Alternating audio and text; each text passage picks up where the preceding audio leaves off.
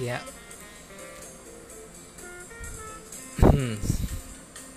Selamat siang. Di sini lagi siang hari.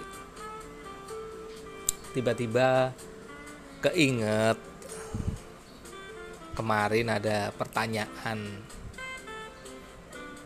lebih ke arah kepercayaan orang terhadap investasi reksadana. Jadi pada awalnya orang tersebut ya melakukan konsultasi dengan kami dan tentu saja pertama kita lakukan financial check up ya. Setelah dilakukan financial check up secara ringkas ketemu bahwa secara umum net worth alias kekayaan bersihnya itu positif. Baik. Ada hutang sedikit tetapi hutangnya itu jangka pendek. Lalu dari segi penghasilan dan pengeluaran juga positif bagus. Saving rasionya bisa 60% dari penghasilannya. Namun dari analisis yang kami lakukan, kebanyakan net worth yang dimiliki itu masih ada potensial loss. Mungkin karena memang takut sesuatu hal yang tidak kita ketahui memang membuat kita takut. Dan itu wajar.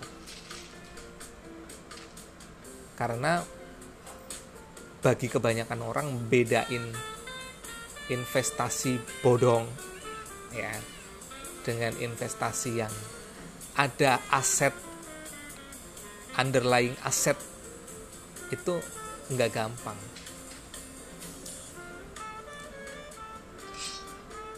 walaupun sudah ada OJK Otoritas Jasa Keuangan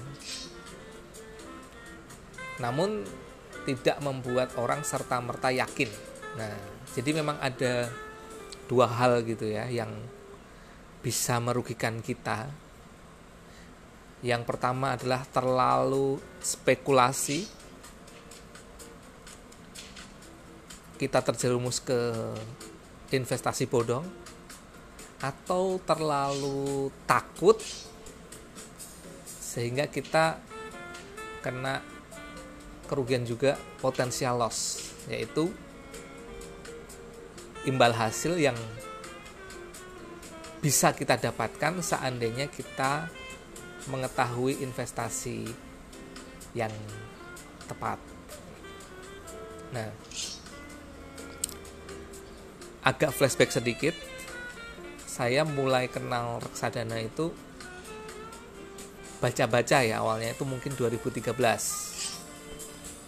itu saya pertama kali bekerja dalam tanda kutip menghasilkan uang. Waktu itu saya ditugaskan ke pulau Mentawai sebagai dokter yang diperbantukan ke daerah terpencil. Saya enam bulan di sana itu pertama kalinya saya mendapatkan duit setelah sekolah beberapa lama. Wajar ketika orang punya uang pertama kali keinginannya banyak. Karenanya saya nggak pernah ngejudge orang yang konsumtif. Lagi pula konsumtif itu buat orang lain bagus kok mendistribusikan kekayaan ya kan? Tapi itu kita bahas lain kali. Waktu itu saya mendapatkan uang. Lalu yang saya beli adalah mobil ya. Saya sangat ingin sekali mobil. Tidak kepanasan tidak kehujanan. Namun yang saya belum tahu dan akhirnya tahu setelah membeli mobil ya. Kerja bisa beli mobil mobil second ya. Ternyata ada hal lain yaitu perawatan kemudian bensin servis spare part yang rusak. Itu hal-hal yang bagi orang yang sudah hobi otomotif loh itu kan hal yang cemen receh kayak gitu aja nggak tahu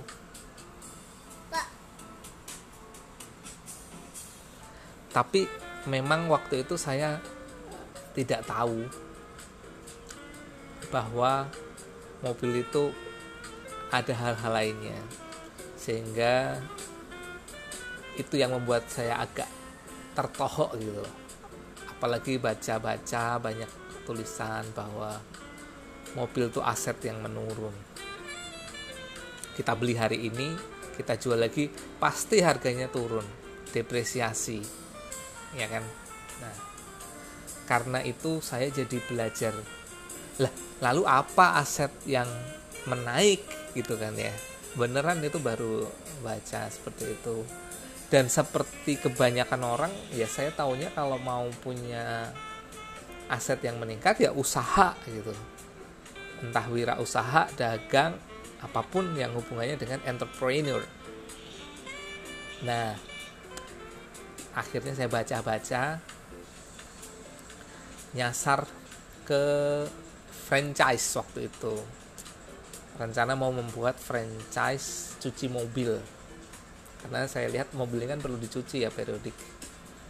Tapi itu urung saya lakukan karena tidak ada yang mengurusi. Saya sibuk bekerja lalu masih harus mencari lokasi dan sebagainya. Tidak ada yang mengurusi franchise itu saya tunda tidak lagi jadi rencana yang ingin saya lakukan. Tapi sambil browsing-browsing franchise tadi saya ketemu yang namanya reksadana. Nah di situ saya baca-baca.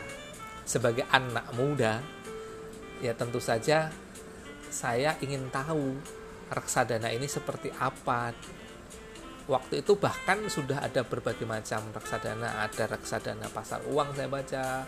Tapi tidak ada yang menarik buat saya. Pendapatan tetap tidak menarik juga.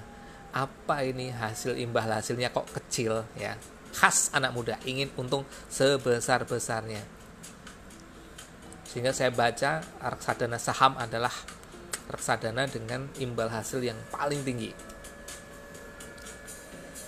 Saya akhirnya kepikiran lagi. Reksadana saham adalah hal yang paling tinggi dan bisa dilakukan nih. Nggak harus survei lokasi seperti franchise ya kan? Tapi saya kepikiran lagi kalau saya reksadana saham saya titipin ke orang lain ya untuk membeli saham berarti ada dua kerugian. Yang pertama komisinya kepotong ya. Manajemen fee maksudnya jadi setiap dana yang disetorkan tuh ada manajemen fee. Kalau tidak salah sekitar 3% ya per tahun untuk semuanya. Lalu beli dan jual pun waktu itu 2013 2014 ya. Itu ada fee-nya juga, fee jual dan fee beli. Wah, saya tidak terima. Masa ini fee-nya segini gedenya? manajemen fee segini gedenya.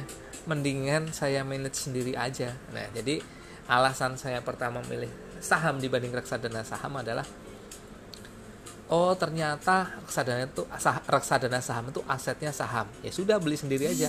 Fee bisa kita cut kita ya kan? Nggak usah pakai fee feean ya kelola sendiri. Fee yang kita bayar hanya fee beli dan jual. Kalau nggak salah dulu 0,15 atau 0,2 persen ya. Mungkin sekarang juga masih sama. Kalau kita buka sekuritas dapat eh, kena fee setiap kali transaksi. 0,15 0,2 persen. Kalau jual mungkin 0,1 persen. Ya lalu saya eh, masuk ke saham. Faktor pertama adalah saya merasa bahwa fee-nya terlalu besar Faktor kedua maksud saham adalah saya sudah baca buku-buku. bahkan buku tebalnya Snowball si Warren Buffett lalu buku tebalnya The Intelligent Investor Benjamin Graham saya baca kemudian website-website beliau-beliau yang sudah senior di investasi saham eh, seperti Bapak Teguh Hidayat lalu Bapak Parahita itu saya baca semua saya baca saya akhirnya masuk ke saham. Bahkan saya analisis semua laporan keuangan perusahaan yang ada di bursa efek itu. 600 apa 400 dulu ya. Saya screening sampai dapat 100, lalu dapat 50. Saya screening lagi sehingga dapat yang benar-benar bagus. Nah, ternyata hasilnya juga lumayan bagus ya. Saya bisa mendapatkan persentase yang di atas IHSG sedikit tidak jauh-jauh. Saya lupa tetapi intinya anggap saja dapat 15-20% lah waktu itu per tahun annual returnnya sekitar 15%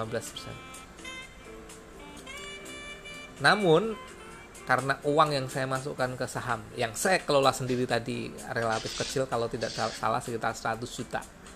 Berarti dalam setahun naik jadi 15 sampai 20 juta. Saya memakai analisis lebih ke arah fundamental ya atau value investing.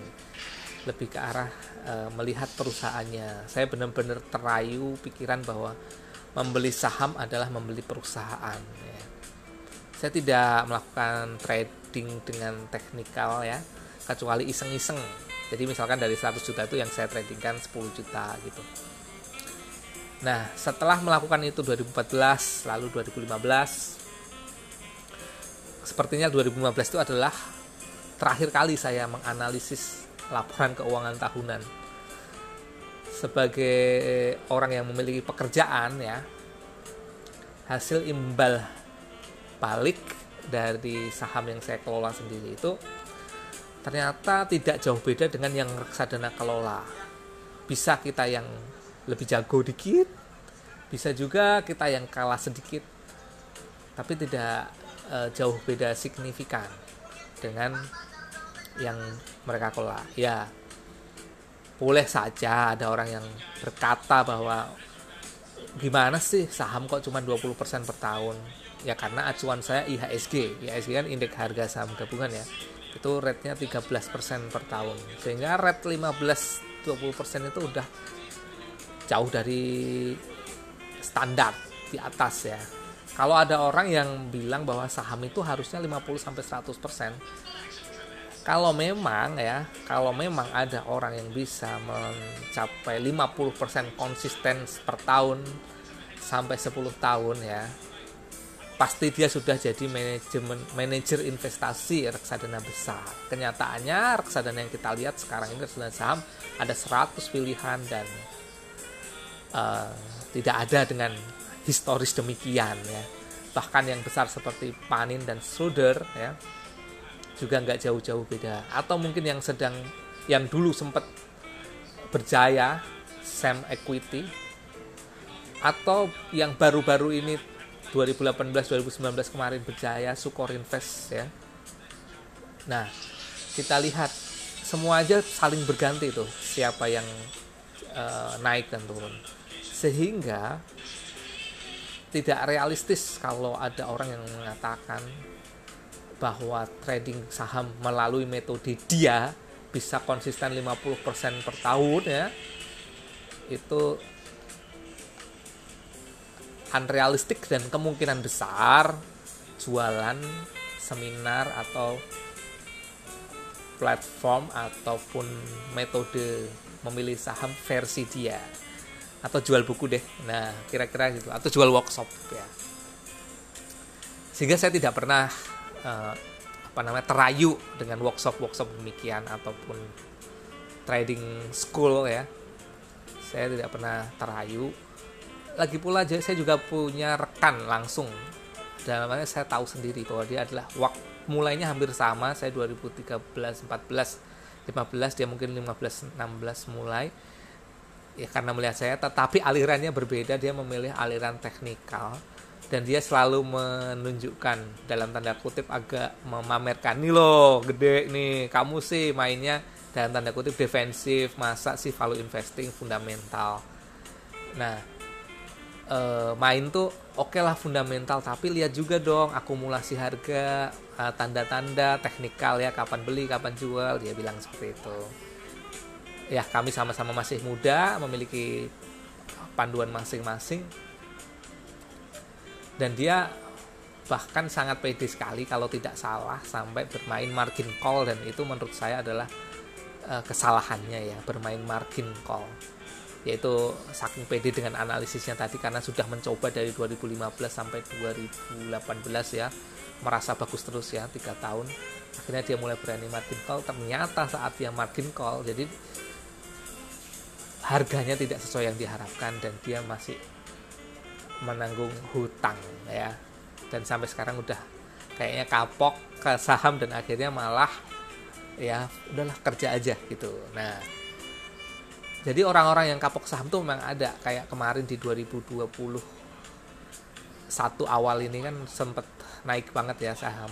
Orang pada nyemplung ya ternyata cuman gorengan bandar saja nyungsep akhirnya protes. Padahal udah beli dengan utang banyak lah kisah kayak gitu gitu nah tapi saya kan tidak bermain yang seperti itu sehingga saya tahu bahwa oh saham ini benar-benar long term. Yang kedua saya tahu bahwa yang realistis itu ya oke lah 20% berharap sampai 30% ya udahlah nggak apa-apa. Tapi kita juga harus melihat historis 13-15% dari IHSG sehingga saya anggap 20% itu adalah target yang udah bagus banget. Nah, kalau uang saya 100 juta masuk saham 20% berarti 20 juta setahun. Dibagi 12 bulan kira-kira nggak nyampe eh, 2 juta ya, 1 juta 800 mungkin per bulan dengan uang 100 juta tersebut. Kalau saya titipin ke manajemen investasi nggak selisih jauh tuh. Kena fee deh anggap aja 20% 3% ya. Atau 5% sekalian deh nggak apa-apa 15% masih dapat 15 juta setahun ya 5 jutanya ibarat kata buat si manajemen investasi 15 juta dibagi 18 bagi 12 ya masih 1 juta 300 selisih 500 ribuan sebulan. Saya tidak usah ngapa-ngapa. E, ibarat kata udah diolahin dia tetap dapat sekitar 1,3 jutaan sebulan dari uang 100 juta tadi. 500 ribunya buat dia deh saya relain gitu ya nggak apa-apa. Karena waktu yang saya gunakan untuk mengelola saham bisa saya gunakan untuk bekerja atau berusaha maksudnya wirausaha itu ya nah sehingga sejak 2016 ya saya sudah tidak memiliki saham apa pun udah saya jual saya pindah ke reksadana saham namun sebagai penyuka ekonomi ya saya tetap sekali-kali mengawasi. Contohnya kemarin 2018-19 ya. 2016 pindah reksadana saham, 2018-19 banyak tuh kenaikan saham yang saya alami dari reksadana saham itu. Lumayan sih. E, berapa persen gitu. Di atas 10 lah ya. Nah, saya melihat 2018 wah ini akan uh, turun nih saham bukan karena saya cenayang atau peramal tapi melihat PER price earning ratio dari IASG ini waktu itu udah ketinggian ya itu sebelum covid. Dan saya nggak tahu kalau covid bakal terjadi cuman saya ini akan turun sih karena udah kayak apa ya orang tuh hype gitu. Orang kalau udah hype harganya naik-naik terus sehingga di overprice PR naik sampai hampir-hampir saya nggak menemukan kalau misalkan melihat-lihat ya saham yang layak beli. Akhirnya saya pindahin tuh. Kenapa saya pindahin? Karena saya takut 2020 saya rencana sekolah lagi kan nah uang-uang ini kan rencana saya juga gunakan untuk sekolah. Sebagian.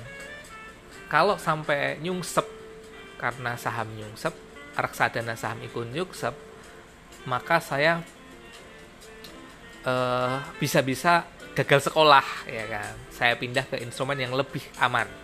Reksadana pasar uang. 90% di reksadana pasar uang sudah hampir nggak ada di saham maupun reksadana saham makanya udah nol ya.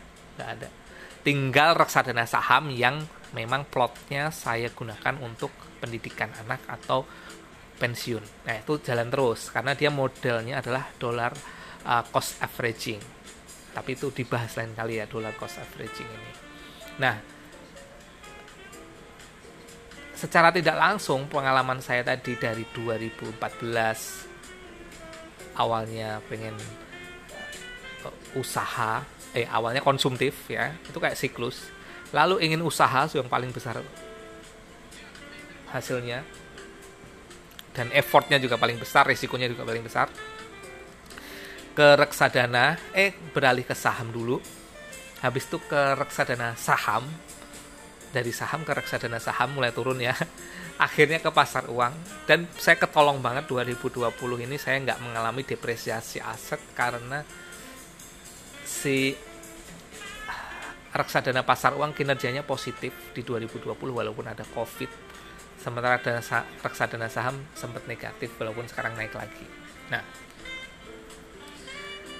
sekilas berarti udah sekitar enam tahun ya. Berarti kalau dari pengalaman setidaknya pengalaman saya sendiri reksadana ini proven gitu. Dia bukan akun atau bukan investasi jenis investasi yang abal-abal atau bodong menipu bahwa kabur uang gitu. Enggak karena dia satu diawasi OJK kalau mau dari pengalaman sendiri saya mengalami sendiri dan ternyata bertahun-tahun masih bagus. Atau bahkan kalau mau tahu itu salah satu reksadana panin dan skruder mungkin ya. Itu sejak tahun 97 udah ada. Jadi dia mungkin udah as old as bank. Ketika kamu udah percaya bank next step mungkin kamu percaya pada manajer investasi sama persis kayak dulu orang nggak berani nabung di bank nabungnya di bawah kasur tapi dia akhirnya beranjak ke tabungan makanya waktu kita kecil dulu ada lagu bing bing bang yuk kita ke bank ya kan ngarahin orang ke bank. Nah sekarang udah mulai nabung saham, tapi kayaknya tuh pelompatan ya. Mungkin nabung reksadana dulu kali ya daripada langsung nabung ke bank. Nah untuk orang yang masih takut-takut melihat saya pembelajaran saya sendiri dan sebagainya, kebanyakan orang tuh sebenarnya tidak seberani dan tidak seagresif yang mereka pikirkan. Mereka tuh pengen untung banyak tapi kalau bisa jangan rugi. Di mana hal itu agak-agak menyalahi uh, kodrat ya. Biasanya kalau high risk high return jadi resikonya tinggi risiko itu baru bisa berkurang ketika kita udah ngerti. Lah kalau kita baru pemula atau baru mau masuk ngambil yang high risk belum tahu cara manage resikonya kalau sampai terjadi resikonya itu ya biasanya dia akan kapok. Nah ini yang rugi. Dan akhirnya membuat cerita ke orang lain bahwa saham itu nggak bagus dan sebagainya udah kerja aja gitu ya. Dan itu nggak apa-apa sih. Saya juga sekarang buktinya tidak megang saham. Tapi kita lihat semua itu apa adanya gitu singkatnya misalkan ngomong saham ya lu jangan ngomong harian. Harian tuh resikonya tinggi. Jangan ngomong mingguan bulanan. Jangankan bulanan jangan aja satu tahun. Saham itu kalau saya pribadi di atas 15 tahun baru masukin ke saham. Kalau cuman mau dipakai lima tahun lagi ngapain ke saham? Berani banget. Kalau nanti dia turun nangis ya kan? Nah jadi kenapa saya percaya reksadana? Karena aset dasarnya jelas. Tadi kan investasi bodong dan investasi yang nggak bodong itu gimana? Nah kalau yang nggak bodong itu yang aset dasarnya jelas. Seperti apa namanya? Ada kos-kosan yang udah jadi dan ada apa namanya penghuninya ya. Ini bisa jadi investasi. Kalau kita beli uh, apa namanya kos-kosan tersebut kos-kosan ini kan ada nilainya ya. Ada nilai dasarnya. Nilai dasar itu mudahnya kalau tidak laku atau tidak ada yang mau beli kita bisa memakainya. Nah gitu ya. Kan dulu pernah uh, ada aturium ya atau batu aki ya booming. Itu agak lemah nilai dasarnya apalagi aturium atau ikan lohan karena ikan lohan ini bisa mati ya. Lalu aturium ini juga ibarat kata bisa dikembangbiakkan. Terus kalaupun nggak laku ya cara deteksinya paling gampang kan kalau tidak laku itu mau buat apa gitu ya. Itu nilainya rendah gitu. Atorium kalau harganya 5 juta ternyata ngedrop turun nggak laku mau kau apain? Dimasak gitu kan sekelas kayak bayam dan kangkung rasanya juga mungkin belum tentu enak seperti itu. Nah itu berarti nilai dasarnya atau value asetnya rendah gitu. Sementara kalau tanah kalau dijual nggak laku bisa kita dirikan bangunan tempat tinggal. Berarti nilainya tinggi gitu ya. Dalam artian mempunyai nilai dasar yang lumayan lah. Apalagi ada NJOP nilai jual objek pajak. Sedikit mampir berarti kalau emas bagaimana emas memiliki nilai dasar karena memang dia sudah lama dipercaya ya. Tetapi kalau menurut saya dia lebih ke arah hedging tools, alat untuk menahan inflasi bukan untuk investasi. Investasi ciri khasnya adalah walaupun tidak laku dijual, dia bisa menghasilkan pendapatan. Itu kalau menurut saya ya, investasi itu walaupun tidak laku dijual, dia bisa menghasilkan pendapatan. Nah kalau emas ini saat tidak kita jual, dia nggak bisa tuh misalkan emas sekilo sebulan sekali dia ternak atau ngeluarin emas satu gram cering gitu ya. Ibarat kata atau setengah gram atau 0,1 gram. Nah kalau seandainya emas bisa ngeluarin emas sedikit maka dia masuk investasi ya kan? Rumah kalau cuma dimiliki nggak disewain nggak dikontrakin nggak didiriin usaha di atasnya juga itu nggak investasi. Itu masuknya properti kepemilikan aja jadi rumah ini bisa dua hal. Nah kecuali beli emas disewain ya, itu juga bisa jadi investasi. Jadi harus menghasilkan selain nilainya sendiri yang naik, tapi juga harus menghasilkan ya.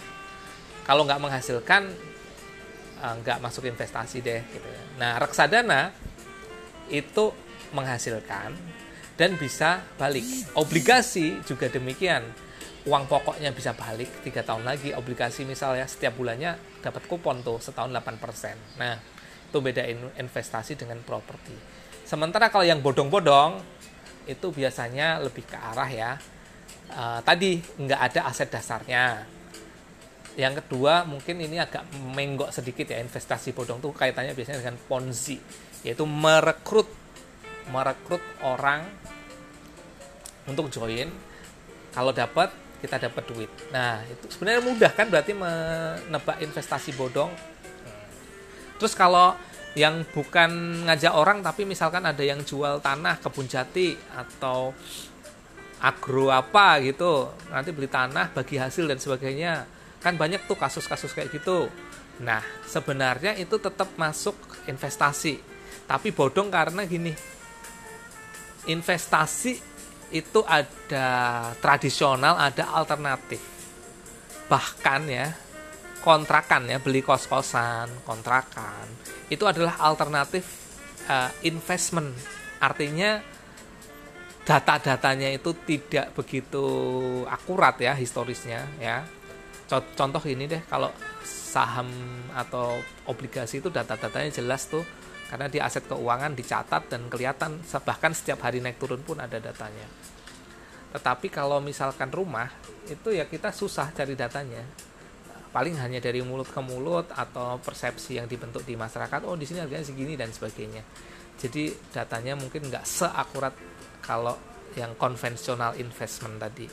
Nah makanya kalau investasi alternatif alternatif ini perlu ilmu lebih mau jual beli properti juga harus terjun ke sana. Mungkin rugi dulu berpengalaman baru nanti jago.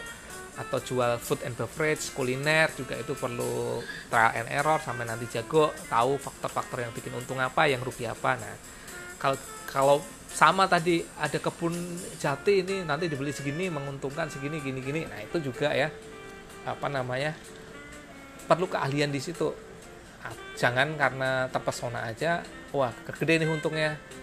Ikut ah gitu. Selalu tanemin pikiran bahwa kalau bangkrut gimana gitu. Jadi mungkin kita akan ikut berani nyoba-nyoba tapi mungkin dengan 5 atau 10% aset kita aja atau 5 sampai 10% kekayaan bersih kita aja. Jadi kalau sampai itu bangkrut kita nggak sedih-sedih amat. Lah gimana? Kalau bangkrut kalau ditipu kalau kabur memangnya kita bisa apa gitu loh. Mau diperkarakan ke pengadilan pun memakan waktu dan biaya energi juga kan. Makanya bijak-bijak memilih mana yang spekulasi mana yang investasi dan mana yang hanya properti. Ya kan? Hanya kepemilikan aja dan tidak menghasilkan pendapatan bulanan. Jadi semoga yang kita bicarain sekitar setengah jam ini menjawab ya. Supaya kita belajar lagi sedikit-dikit. Karena kalau kita nggak belajar rugi. Ruginya sih potensial loss ya. Misal kita sama nih penghasilan aku dan kamu. Kamu menaruh uang di tabungan kita sama-sama gajinya 10 juta gitu ya. Kita sama-sama hemat bisa menghemat 5 juta sebulan kamu juga 5 juta sebulan. Kamu takut kamu di tabungan 5 juta doang eh 5 eh, juta di tabungan aja. Sementara aku agak berani sa 2 juta ke tabungan 3 juta ke reksadana pendapatan tetap atau jam, uh, pasar uang deh gitu. Dalam setahun ke depan udah beda tuh kita. Ingat ada yang namanya compounding interest time value of money. Satu tahun selisih aku dan kamu hanya 5% 10% dua tahun nah, tidak 5 sampai 10% mungkin bisa 6 sampai 12% tiga tahun mungkin 7 sampai 13% 4 tahun 8 sampai 15% nah selisih kita akan makin lama makin menjauh, menjauh ya. Semakin lama selisih kita akan semakin jauh. Padahal kita memiliki gaya hidup yang sama-sama hemat dan uh, penghasilan yang sama. Hmm. makanya kita kalau bisa di ceruk yang tepat. Tidak spekulasi sepenuhnya tidak juga pasif. Kalau hitungan kasar 10 sampai 20% itu di uh, tabungan ya. 10 sampai 20% itu di spekulasi. Spekulasi ini contohnya eh, beli bitcoin bikin usaha warung sama kawan patungannya atau ada atorium baru kayak atau ada apa terserah lah yang dipingin atau ada bisnis jati tadi atau apa tapi ingatnya 10% aja deh maksimal gitu untuk kayak gitu-gitu 5 sampai 10%. Nah, mayoritas 60 70% tuh di investasi yang juga bisa melindungi dari uh, inflasi supaya nggak kegerus, tapi juga nggak seberesiko yang spekulasi-spekulasi tadi. Kira-kira gitu ya. Uh, podcast kali ini semoga bermanfaat. Jangan lupa di follow dan follow juga IG-nya docfestor titik id docfestor.id salam